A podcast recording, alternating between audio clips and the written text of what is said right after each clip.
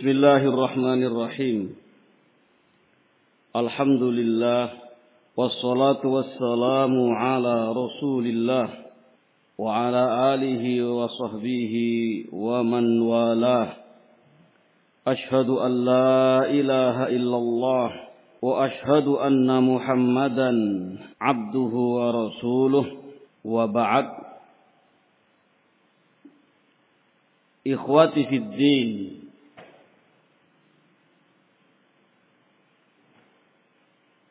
أعزني وأعزكم الله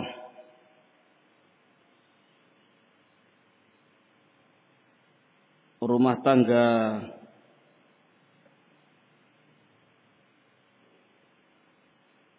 seorang muslim tentu tidak ada cara yang terbaik kecuali mencontoh rumah tangga Rasul Shallallahu Alaihi Wasallam.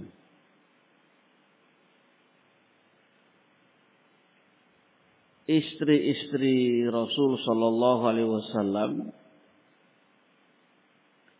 sebagai contoh juga buat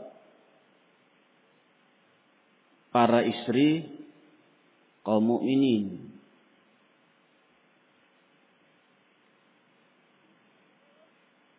Demikian ketika seseorang menginginkan kebahagiaan rumah tangganya Rasul menyatakan khairukum khairukum li ahlikum wa ana khairukum li ahli. Yang terbaik di antara kalian kata Rasulullah SAW, yang terbaik pergaulannya dengan istri kalian. Dan saya kata Rasulullah yang terbaik untuk istriku kata Rasulullah SAW ketika rumah tangga seseorang berupaya untuk mencontoh Rasul Shallallahu Alaihi Wasallam, maka syaitan tidak akan pernah rela untuk memisahkan rumah tangga tersebut. Dengan berbagai cara dilakukan oleh syaitan untuk menghancurkan sebuah rumah tangga yang harmonis. Oleh karena itu iblis la'anahullah mengutus para syaitan untuk memperdaya, menggoda dan menyesatkan hamba Allah Subhanahu wa taala. Tatkala syaitan berhasil memperdaya seorang mukmin laki maupun perempuan, dia mencuri lapor kepada iblis Kata iblis, "Ma fa'alta syai'." Kamu belum berbuat apa-apa. Kembalilah syaitan terus memperdaya kaum mukminin, muslimin, muslimat sampai akhirnya naudzubillah min dzalik. Lapor kepada iblis, kata iblis, "Ma fa'alta syai'." Belum berbuat apa-apa kamu. Sampai akhirnya dosa-dosa besar, dosa besar sampai pada tingkatan suami istri bercerai dengan sebab godaan dan perdayanya syaitan baru iblis menyatakan ini yang terbaik menurut dia. Artinya inilah tugasmu berhasil. Maka kita harus sadar ikhwan di balik keharmonisan itu ada ujian.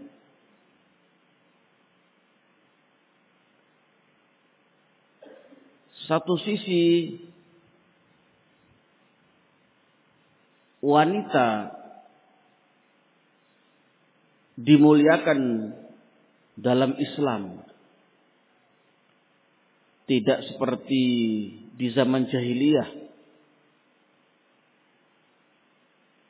Di zaman jahiliyah dihinakan, lahir wanita dibunuh hidup-hidup, dikubur hidup-hidup. Nah, setelah Islam datang, dimuliakan wanita dalam Islam. Sampai Rasul menyatakan ad-dunya mata'un wa khairu mata'iha al-mar'atu sholihah. Dunia ini perhiasan. Dan sebaik-baik perhiasan adalah wanita yang solihah. Perhiasan yang demikian banyak dalam dunia ini Tidak ada apa-apanya dibanding dengan wanita yang solihah. Posisi wanita yang solihah di atas segala perhiasan dunia.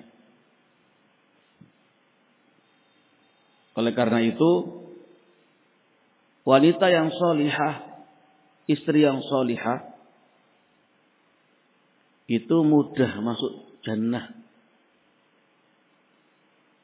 Mudah masuk surga. Ketika Rasul menyatakan idza sholatil mar'a khamsaha wa shamat syahraha wa hasanat farjaha wa ata'at ba'laha qila laha udkhulil jannah min ay abwabin syi'at Ketika seorang istri Sholat lima waktu ditegakkan. Puasa di bulan Ramadan dilakukan. Menjaga kehormatannya dilakukan. Taat pada suaminya dilakukan. Maka sampaikan pada wanita yang seperti ini. Sampaikan pada istri yang seperti ini. Kata Rasulullah SAW masuklah ke pintu surga, ke pintu jannah lewat mana saja yang dia inginkan.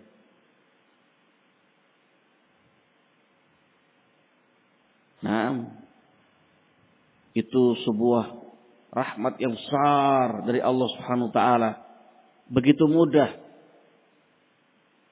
bagi istri untuk masuk jannah. Suami berat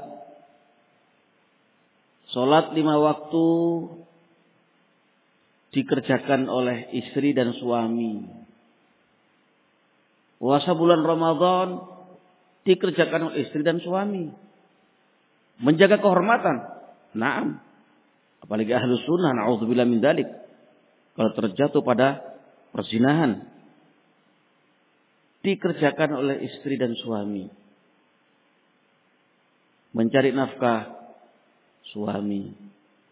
Tanggung jawab mendidik suami. Melindungi keluarga suami. Mengarahkan keluarga suami. Mendidik anak istri suami. Nah, taat pada suami itu baru istri. Jadi Ikhwati fiddin, a'azzani wa. Ketika suami istri itu masing-masing menjalankan hak dan kewajibannya, maka terbinalah rumah tangga yang harmonis. rumah tangga yang penuh kasih sayang. Ketika salah satu meninggalkan hak dan kewajibannya, kholas. Maka rumah tangga itu goncang. Nah, istri di sini pembahasannya karena ini adalah bagaimana supaya istri betul-betul memiliki jiwa iffah. Iffah itu iffah itu maknanya disebutkan tarkus syahwat di antara maknanya disebutkan dalam Mu'jamul Wasit min kulli syai'in wa ghalaba fi hifdzil farj mimma la yahil Ifah itu meninggalkan syahwat. Maksudnya mem tidak memperturutkan syahwatnya. Syahwat di sini syahwat yang mengarah kepada ketidakbagusan. Dan pada umumnya menjaga kehormatan. Menjaga kehormatannya dari sesuatu yang tidak halal. Menjaga kemaluannya dari sesuatu yang tidak halal. Itu ifah di antara maknanya. Ifah juga bermakna kafu amma la yahillu. Wala yajmalu min qaulin aw fi'lin. Fahuwa affah wa afif. Bahwa ifa itu juga kafu mencegah menahan dari sesuatu yang tidak halal dan sesuatu yang tidak bagus apakah itu ucapan atau perbuatan Ketika dia seseorang itu menjaga, mencegah, menolak, menahan dari sesuatu yang tidak halal dan mencegah dari perkara yang tidak baik, ucapan maupun perbuatannya, maka orang itu afif. Nah, kalau perempuan afifah yang menjaga dari perkara-perkara yang tidak halal menjauh dan dari ucapan perbuatan yang tidak bagus.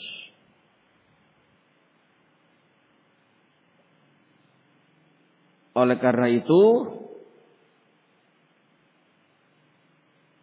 iffah juga biasa diartikan lemah lembut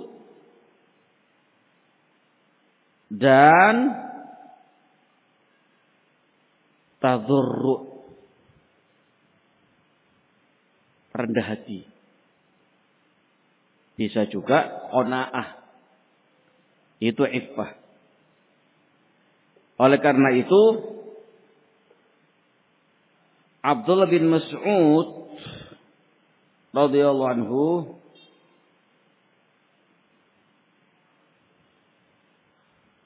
meriwayatkan dari hadis Nabi Shallallahu Alaihi Wasallam dari Rasulullah Sallallahu Alaihi Wasallam yang diriwayatkan oleh Imam Bazar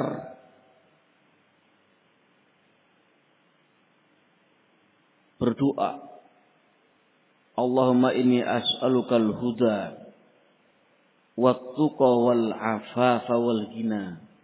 Ya Allah sesungguhnya aku memohon kepada engkau al-huda mohon apa? Al-huda. Petunjuk. Wal afaf dan afaf. Berarti ketika kita bicara afaf bisa bermakna menahan dari hal yang tidak halal, menahan dari ucapan yang tidak baik dan tidak bagus, menahan untuk tidak meminta-minta kepada orang, menjaga kehormatannya, menjaga kehormatannya. Itu afaf. Wattuqa. Dan aku mohon kepada Engkau ya Allah agar selalu bertakwa kepada Engkau ya Allah. Wal gina dan merasa cukup apa yang diberi oleh Allah Subhanahu wa taala. Ikhwati fiddin, a'azani wa a'azakumullah di dalam kehidupan seorang istri itu ujian bagi suami. Ujian bagi suami, fitnah bagi suami. Oleh karena itu jika tidak bersandar dan mengacu pada Al-Quran dan Sunnah rentan akan terjadinya perpecahan dan keruwetan rumah tangga. Tidak seimbang. Apalagi wanita kata Rasul Shallallahu Alaihi Wasallam itu separuh akalnya dan separuh agamanya. Makanya dalam bab ini perlu kita terus menjaga. Dan para wanita pun juga demikian berusaha berupaya agar kehidupannya itu penuh dengan hal-hal yang bermanfaat. Sebab kalau banyak nganggur, banyak nganggur, pengangguran, tidak ada kegiatan yang bermanfaat, itu sarang. Sarang berpikir pemikiran-pemikiran yang jelek, yang jahat. Itu kalau banyak nganggur. muncul aja pemikiran munculnya pemikiran-pemikiran yang jelek, yang buruk itu ketika banyak nganggur.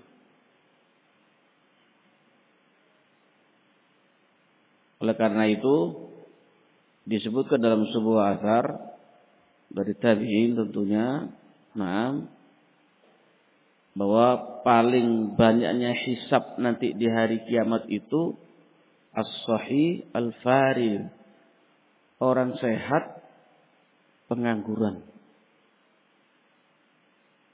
Sehat pengangguran. Oleh karenanya di samping itu kewajiban suami untuk meluruskan dan mendidik istri, tapi istri pun juga harus mengambil posisi. Jangan sampai dibiarkan sehingga Rasul sebutkan solusi-solusi terbaik dalam perkara ini. Ketika Rasul menyatakan wal mar'atu ra'iyatun fi baiti zawjiha wa hiya mas'ulun an ra'iyatih. Seorang istri itu pemimpin di rumah suaminya. Dan dia akan dimintai pertanggungjawaban di depan Allah atas kepemimpinannya. Maksudnya pemimpin apa? Bukan pemimpin di rumah tangga, bukan. Di rumah suaminya. Yang menjaga anaknya, mengasuh anaknya, mendidik anaknya, merawat rumahnya, menjaga harta suaminya, menjaga seluruh yang ada pada rumah tersebut dan berkhidmah kepada suami dan berkhidmah kepada suami. Ini tugas istri. Ikhwati fid din, a'azani wa. Ketika tugas-tugas istri itu dijadi, dijalani dengan baik dan ikhlas kepada Allah Subhanahu wa taala, maka dialah wanita yang solihah, istri yang solihah. Merawat mendidik, mengasuh anak-anaknya dengan asuhan pendidikan yang syar'i. Membersihkan rumah agar suaminya senang.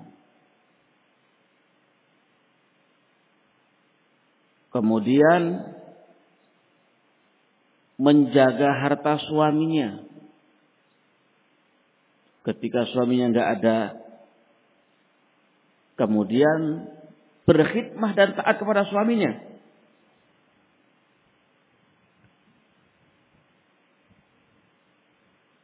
Itu adalah perbuatan yang mulia. Oleh karena itu maka ikhwati fid din wa a'azakumullah wanita perlu diketahui bahwa image masyarakat di lapangan itu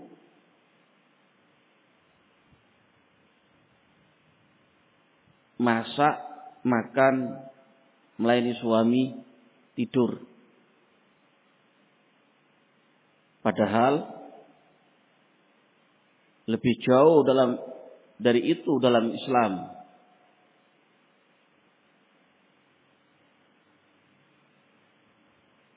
Seorang wanita yang berilmu, seorang wanita yang alimah, itu mulia dan terpuji dalam Islam. Karena dia bisa menjaga dirinya, memposisikan dirinya. Kalau dia sebagai seorang istri di depan suaminya dengan ilmu dan mendidik anak-anaknya dengan ilmu itu faedahnya meluas sekaligus sebagai rem bagi dia. Juga para akhwat, para ummahat, para wanita pun juga butuh siraman rohani dari dia. Mengajarkan ilmu yang dia pelajari sesama para wanita. Sudah berapa nilai keutamaannya wanita tersebut?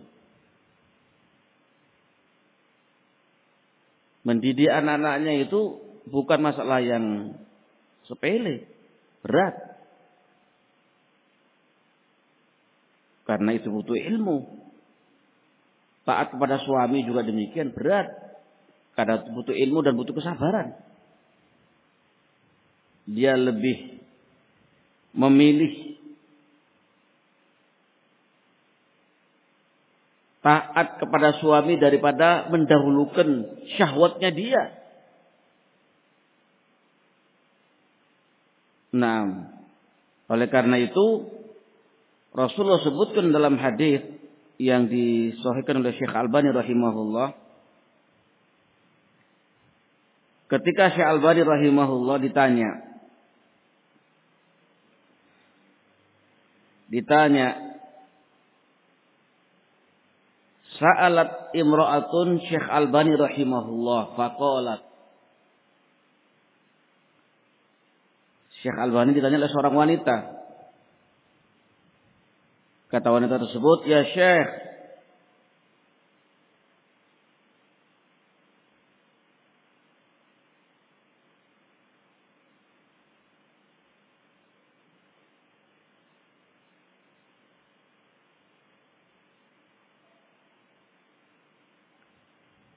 Kata penanya, ya Syekh. Qabla zawaji kuntu fatah kuntu fatah sawami sawama qawamah ajidu lazzata lil Qur'an ajibah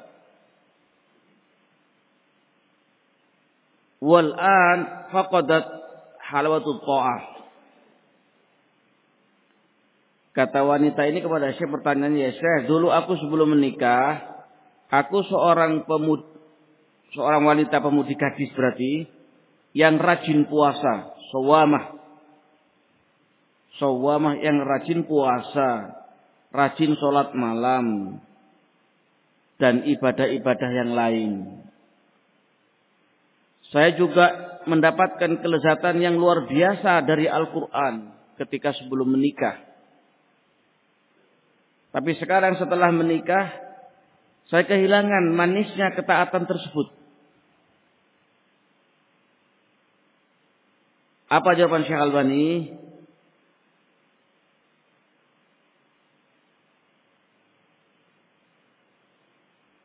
Kata Syekh Albani rahimahullah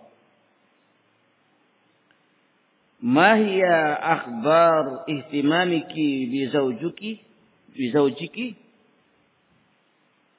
Kata Syabani Seperti apa sih perhatianmu terhadap suamimu?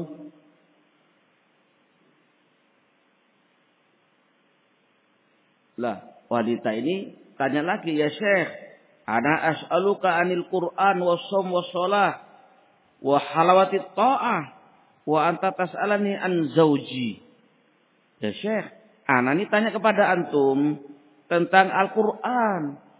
Waktu sebelum nikah anak ini betul-betul menikmati lezatnya baca Al-Quran, mempelajari Al-Quran, puasa, sholat, dan ketaatan-ketaatan yang lain betul-betul anak rasakan. Kok antum tanya kepada anak tentang suamiku? Kev ini, kata wanita tersebut. Kata Syalbani, "Na'am ya ukhti. Limada la tajidu ba'dun nisa halwatal iman waladati ta'ah wa asar ibadah?" Naam, ya wahai ya wahai saudara, iya betul. Nah, kenapa sih sebagian wanita tidak menikmati dan merasakan manisnya iman, lezatnya taat dan asar ibadah? Kenapa demikian? Karena Rasulullah menyatakan, La tajidul mar'atu halawatal iman hatta tuaddi haqqa zawjiha.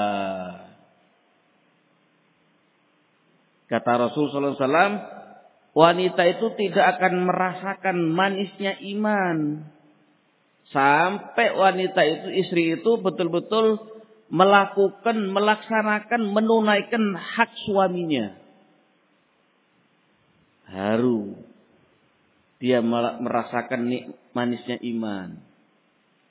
Oleh karena itu, Rasulullah menyebutkan dalam hadis yang lain, "Lau kuntu amuron an yasjuda ahadun li ahadin la amartul mar'ata an tasjuda li zawjiha."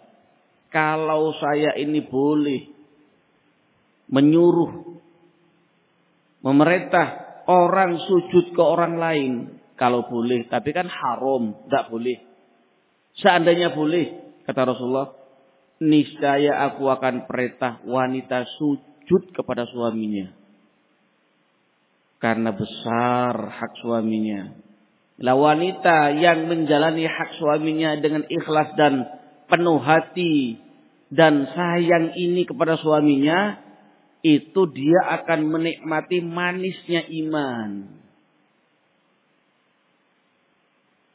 Nah, di sini permasalahan yang cukup serius di kalangan para ummahat. Permasalahan yang serius di kalangan ummahat. Yaitu menjalani hak-hak suami dan taat kepada suami dengan penuh keikhlasan dan betul-betul di atas ilmu. Dalam keadaan keutamaannya besar. Kalau seorang wanita atau akhwat ummahat ahlus sunnah salafiyah kita berhusnudon sekali kita berhusnudan sekali dengan mudah untuk melakukan sholat lima waktu. Dengan mudah untuk puasa di bulan Ramadan. Dengan mudah untuk menjaga kehormatannya. Tapi yang keempat, taat suami ini. Padahal tinggal satu. Selesai satu yang terakhir ini kholas. Kata Rasulullah SAW, Udhulil jannah min ay abwabin syir. Kalau bahasa kita tafadhol, masuk surga. Lewat pintu mana yang kamu kehendaki. Bagi siapa? bagi istri yang sholat lima waktu. Yang puasa di bulan Ramadan. Yang menjaga kehormatannya. Dan yang taat pada suaminya dalam perkara yang baik. Mudah, ringan. Tidak ada beban. Apa yang beban? Kalau suami. Nah, pagi kerja. Panas, capek, dan sebagainya. Hasilnya buat anak istri. Istri gak terbebani itu. Belum lagi ketika misalnya sakit, ada ujian, apa menimpa dia dan yang lainnya. Bagaimana nafkahnya istrinya dipikirkan Kef, kef. Oh, iya. Sehingga banyak orang awam, karena katakan banyak orang awam yang minta cerai kepada suaminya gara-gara menurut dia suaminya nggak mampu menafkahi. Betul dan tidaknya wallahu a'lam. Yang jelas menurut sensus yang ada Pemerintah ini yang bilang di Boyolali itu berapa ratus janda, ratusan. Setelah disensus rata-rata rata-rata menyatakan suaminya tidak mampu menafkahi dengan baik. Kebenarannya wallahu a'lam. Ini orang awam.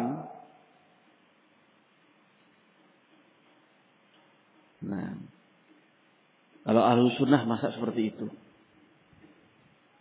Dan nggak mungkin suami sebagai ahlu sunnah salafi menterlantarkan istrinya nggak mungkin.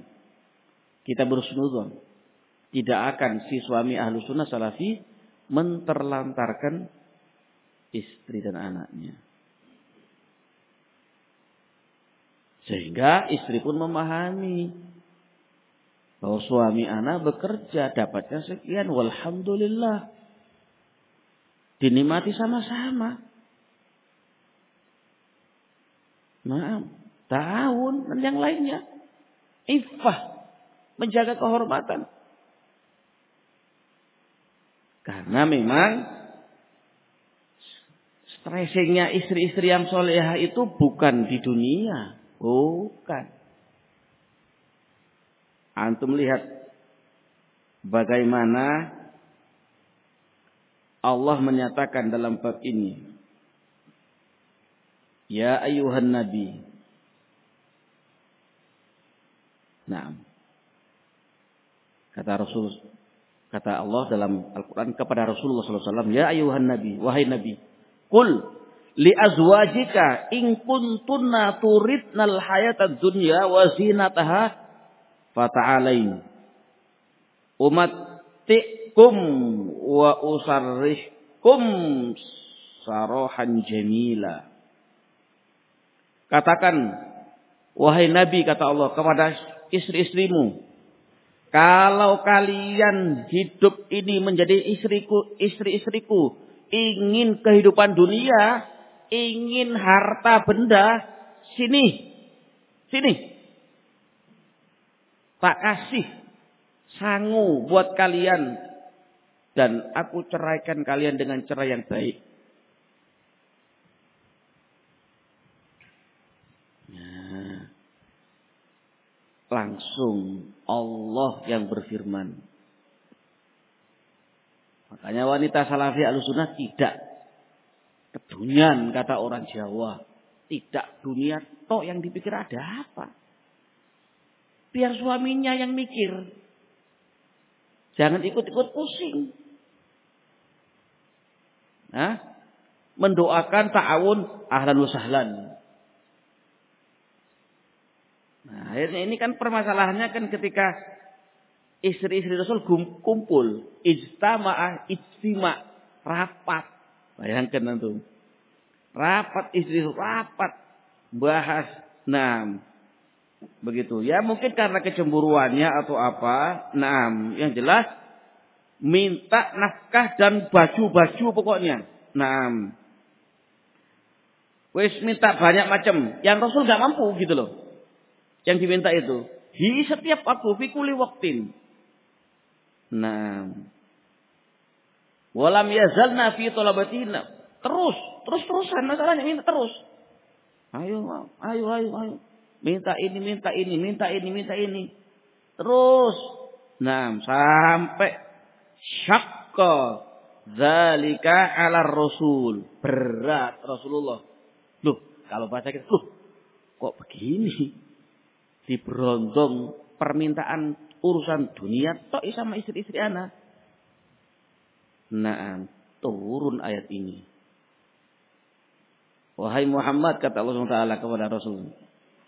Sampaikan ke istri-istri kamu. Kalau kalian ingin duniawi, ayo sini, tak alain, sini. Tak berikan sanggup semampunya, setelah itu cerai. Nah. Tapi in kuntunna turiduna Allah wa rasulah wad daral akhirah fa inna Allah a'adda lil muhsinati minkunna ajron azima.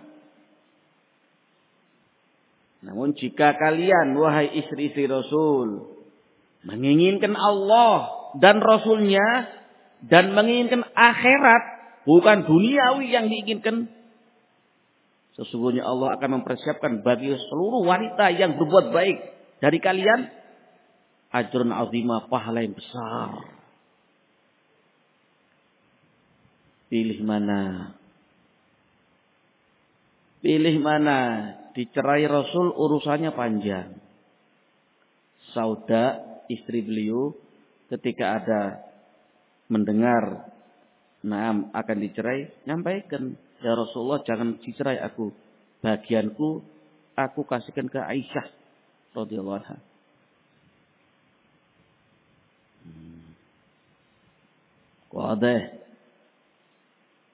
Makanya wanita salafiyah, ahlu sunnah, gak serendah. Kayak orang awam yang gak ngerti agama. Sampai menuntut. Sehingga cerai anu wanita karir itu itu ada apa? Ada apa? Wanita karir kerja di anu anu anu aku sekarang sudah bisa usaha sendiri tanpa suami wis gak suami suamian naudzubillah min dzalik. Nah, ini penting ya ikhwan. Makanya perlu kita banyak bersyukur membimbing jangan sampai istri-istri kita anak-anak kita perempuan itu kedunjan, mata duitan lah kalau bahasa kita lah mata duit. Wabe semua ditolak ukurnya pakai uang. Apa-apaan ini? Hmm. Sudah urusan anti, ya masa untuk anak istri dan untuk anak dan suami, untuk diri anti, dikasih sekian oleh suami, alhamdulillah. Dikasih sekian, alhamdulillah. Dikasih sekian, Alhamdulillah. Dimasak bareng-bareng, disuguhkan bareng-bareng. Ingat, suami tidak boleh pelit. Na'udzubillah. Nah, seorang sahabat wanita datang kepada Rasul Shallallahu Alaihi Wasallam.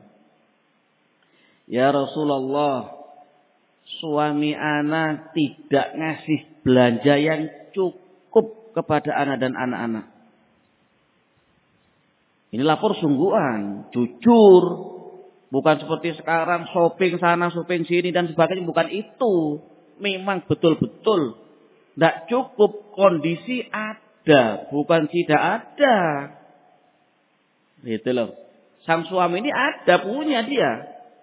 Makanya sahabat tanya, karena punya itu sahabat tanya, sahabat wanita tanya, sahabiah tanya kepada Rasul. Suami anak tidak membelanjakan belanja yang cukup buat buat anak dan anak-anaknya. Apakah boleh anak mengambil uang suami tanpa izin? Berarti dia punya suaminya. Apa jawaban Rasul? Khudhi bil ma'ruf. Boleh kamu ngambil dengan cara yang baik. Maksud, maksudnya baik? Ya baik. Sesuai dengan kebutuhan. Kalau di daerah Bontang sini misalnya. Di tempat ini. Sehari anak empat. Istri suami satu. Istri anak empat. Rumah tangga ini. Seratus ribu. Atau lima puluh ribu sehari umpamanya. Ya sudah. Ambil lima puluh ribu buat makan tadi itu. Itu secara syar'i boleh. Kalau suaminya tidak memberi belanja yang cukup dan dia punya, bukan tidak punya. Ya gimana tanpa izin? Loh, yang izinkan Rasul. Itu wahyu dari Allah SWT. Ya kalah kalian-kalian ini semua. Lah, memang antum ini dulu waktu minta ke orang tuanya ya apa? Minta Pak anak sampean tak minta nikah saya ya. Tapi afwan Pak, afwan. Nanti tak terlatarkan sama saya. Berani ngomong gitu ke calon mertuanya. Gimana Pak menurut Anda? Nanti tak minta nikahi terus tak terlatarkan. Biar. Wis sengsara. Kif. Menurut antum. Ketika ada laki-laki seperti itu cepat. Cepat. Cepat dibawa ke rumah sakit jiwa. Khawatir ada sesuatu. Konslet. Maaf, konslet. Aneh gitu loh, aneh kalau ada suami pelit ke istri, aneh. Nah, makanya wanita yang solihat, nah,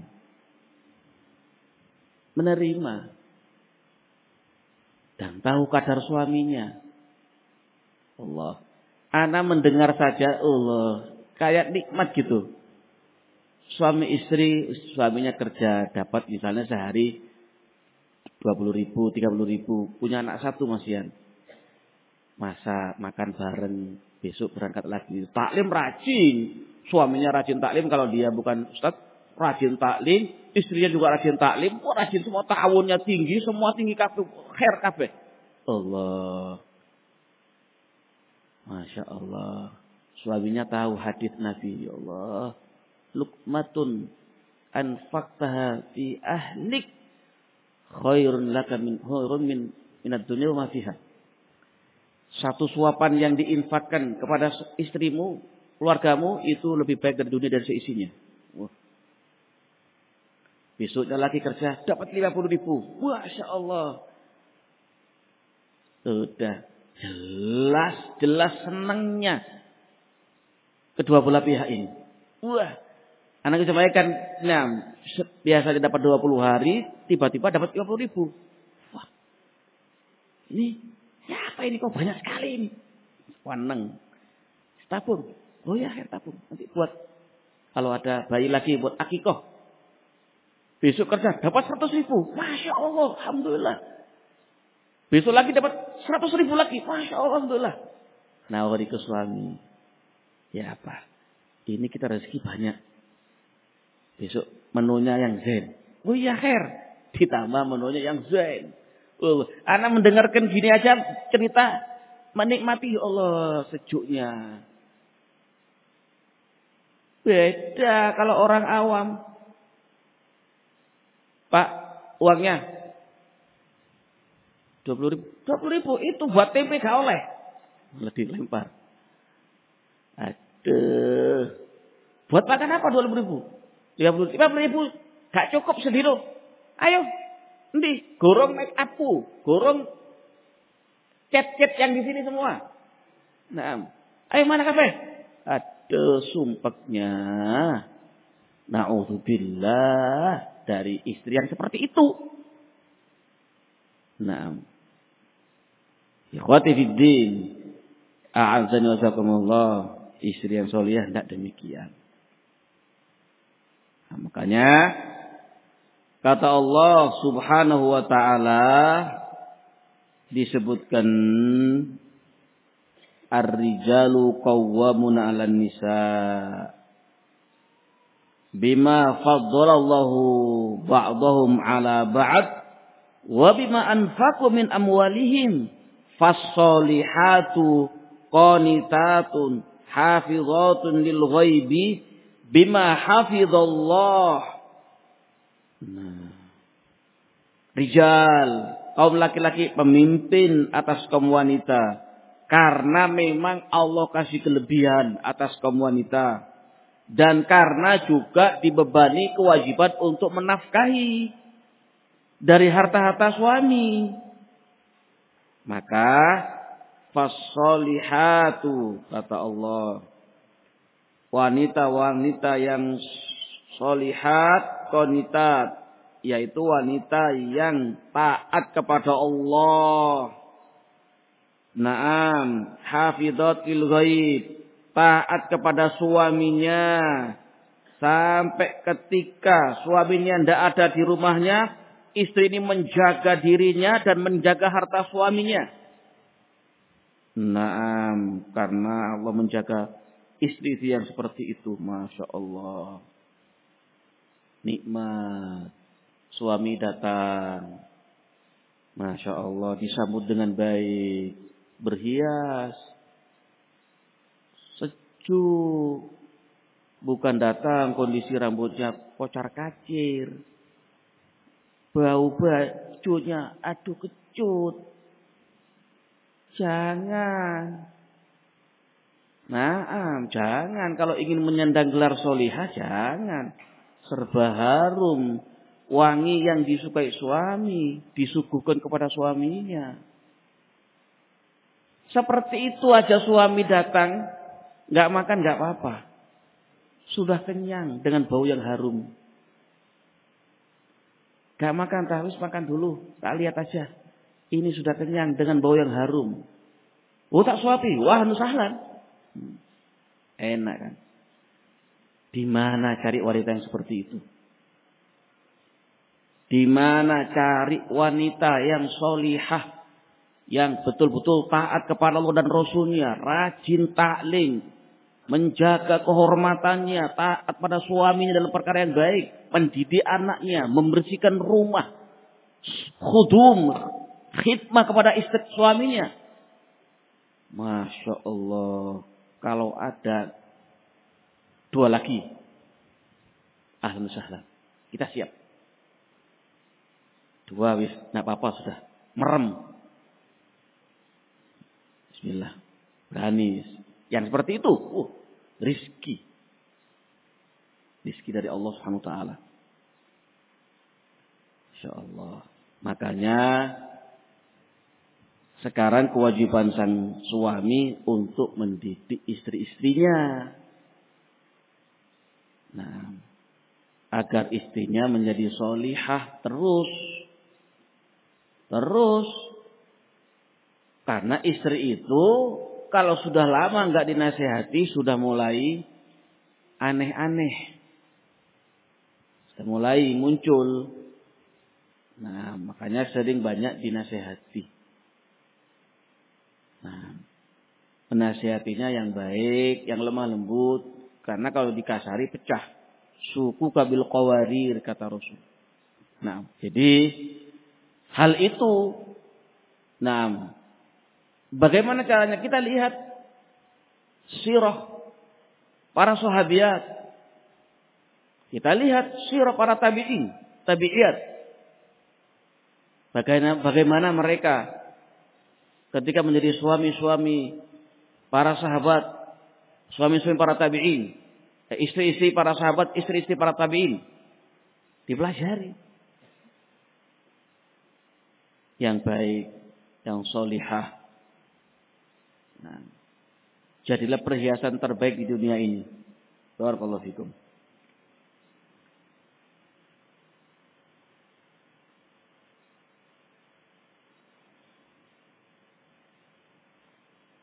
Istri sudah mulai ngaji. Suami belum. Tapi suami tidak menghalangi istrinya untuk bercadar. Tapi suami gak mau taklim. Dan penghasilan suami pas-pasan. Dan istri sering ngomel. Uh. Lalu bolehkah si istri minta cerai karena merasa kurang? Bagaimana kita menasehati wanita tersebut? Jadi ikhwati fiddin a'azzani wazakumullah hidayah itu di tangan Allah Subhanahu wa taala. Oleh karena itu ketika kasus seperti yang ini tidak ada lain kecuali saling menasehati. Terus sabar. Si istri sabar terus mengingatkan suaminya. Si istri terus memperbaiki diri untuk semakin taat dan semakin lembut kepada suami karena sudah mengaji, sudah mengaji, sudah taklim, sudah pakai cadar gitu loh. Harus bisa mengambil hati suaminya agar suaminya bisa taklim juga. Oh ternyata salafiyah itu, salafi itu sunnah mengajari baik kepada suami. Bukan minta cerai, bukan kasar. Bukan. Tapi mengambil hati suami sehingga suami luluh untuk taklim. Disabari berkhidmah dengan khidmah yang baik terus dilakukan. Kalau seperti ini ringan ringan daripada yang ana pernah mendengar. Daripada yang ana pernah mendengar Ketika suaminya istrinya mulai ngaji, suaminya tidak mau, walhasil berontak dan sudah penghasilan bukan pas-pasan, bahkan kurang dari pas. Ini pas-pasan masih enak ini, masih zen. Pas, tidak kurang, enak masih. Ya. Ini di bawah pas. Disuruh ngaji, tidak mau. Pokoknya terus sabar setahun, dua tahun, tiga tahun. Wallahualam, kayaknya sudah tahun keempat atau kelima baru mulai sadar suaminya ini. Dulu nggak pernah mau ngantarkan taklim, ngantarkan taklim aja dibenci. Sudah mulai ngantarkan lagi. Terus sabar istrinya ini terus sampai sekarang sudah mulai taklim. Kebiasaan yang buruk sudah ditinggalkan sudah. Wallahu alam terakhir bagaimana ini? Setahun yang lalu anak mendengarnya terakhir sudah mulai ngantarkan taklim dan sudah mulai usaha bareng-bareng. Nah, bukan gini. Nah, langsung-langsung minta ngomel-ngomel. Ada apa? Gak boleh. Gak boleh. Usus sudah taklim ngomel-ngomel. Taklim kalian taklim di sebelah jangan-jangan. Bukan di sini. Karena alusunah nggak mungkin ngajari. Ayo ngomel ke suami kamu. Nggak akan. Yang baik. Nah, minta cerai gara-gara kurang. Tidak ada seperti itu. Ini bukan akhlaknya akhwat yang baik, bukan. Makanya ingat Rasulullah Shallallahu Alaihi ketika Mi'raj sama malaikat Jibril oleh Allah ditampakkan neraka. Mayoritas penghuninya itu para wanita. Kenapa? Ditanya Rasulullah, kenapa kok sampai para wanita yang paling banyak? Apa jawaban Rasulullah? Li'annahunna yakfurnal ashir. Ya. Karena mereka para istri itu suka kufur, mengingkari kebaikan suami.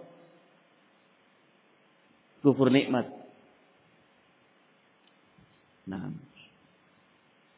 ketika suaminya salah sekali aja atau kurang sekali aja, uh, sudah suami itu anak tidak pernah berbuat baik sama sekali sama anak. Sudah seperti itu. Itu omongannya. Na'udzubillah min dalik. Maka ikhwati fiddin wa akhwatna azan wazakumullah terus mendekat kepada ilmu, bergaul dengan wanita-wanita yang solihah juga agar naam menyadari agar supaya lembut, agar supaya juga baik dan berbagai macam bentuk kebaikan ada pada suami istri tersebut. Siapa tahu subhanallah kalau si istri tadi bisa mengajak suaminya jadi taklim, jadi asalafi, jadi ahlu sunnah. Berapa pahalanya sudah? Barakallahu fikum.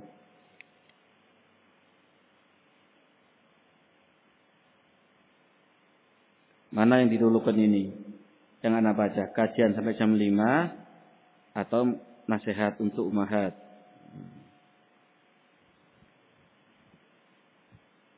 Mohon nasihat untuk umahat yang masih bermudah-mudahan dalam mengambil gambar foto. Suka mengambil gambar anaknya. Kemudian kirim ke sesama familinya. Janganlah.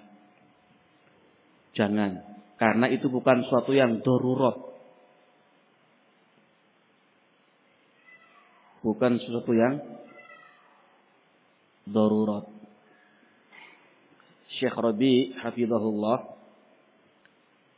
ketika kedatangan tamu di Madinah waktu itu Syekh Soleh Fauzan. Ini gubernur, us orang-orang kerajaan pemerintah yang hadir di situ. Kemudian Syekh Fauzan sudah sudah duduk. Tiba-tiba para tukang foto datang untuk mau memfoto-foto masyayikh ini. Rombongan dan, dan yang lainnya ya. Akhirnya sama Syekh Robi, tangan itu langsung diginikan. Oh rujuk. Keluar kalian, keluar kalian, keluar. Larang. Jangan bermudah-mudahan mengambil foto yang bernyawa tanpa adanya darurat. Inna asyaddal azaban yawmal qiyamah al-musawwirun kata Rasul. Seberat-berat siksaan nanti di hari kiamat mereka yang musawwir, yang suka mengambil, yang suka menggambar makhluk hidup. Berat. Mohon dipahami dan disadari. Jika tidak bukan urusan darurat terpaksa, jangan.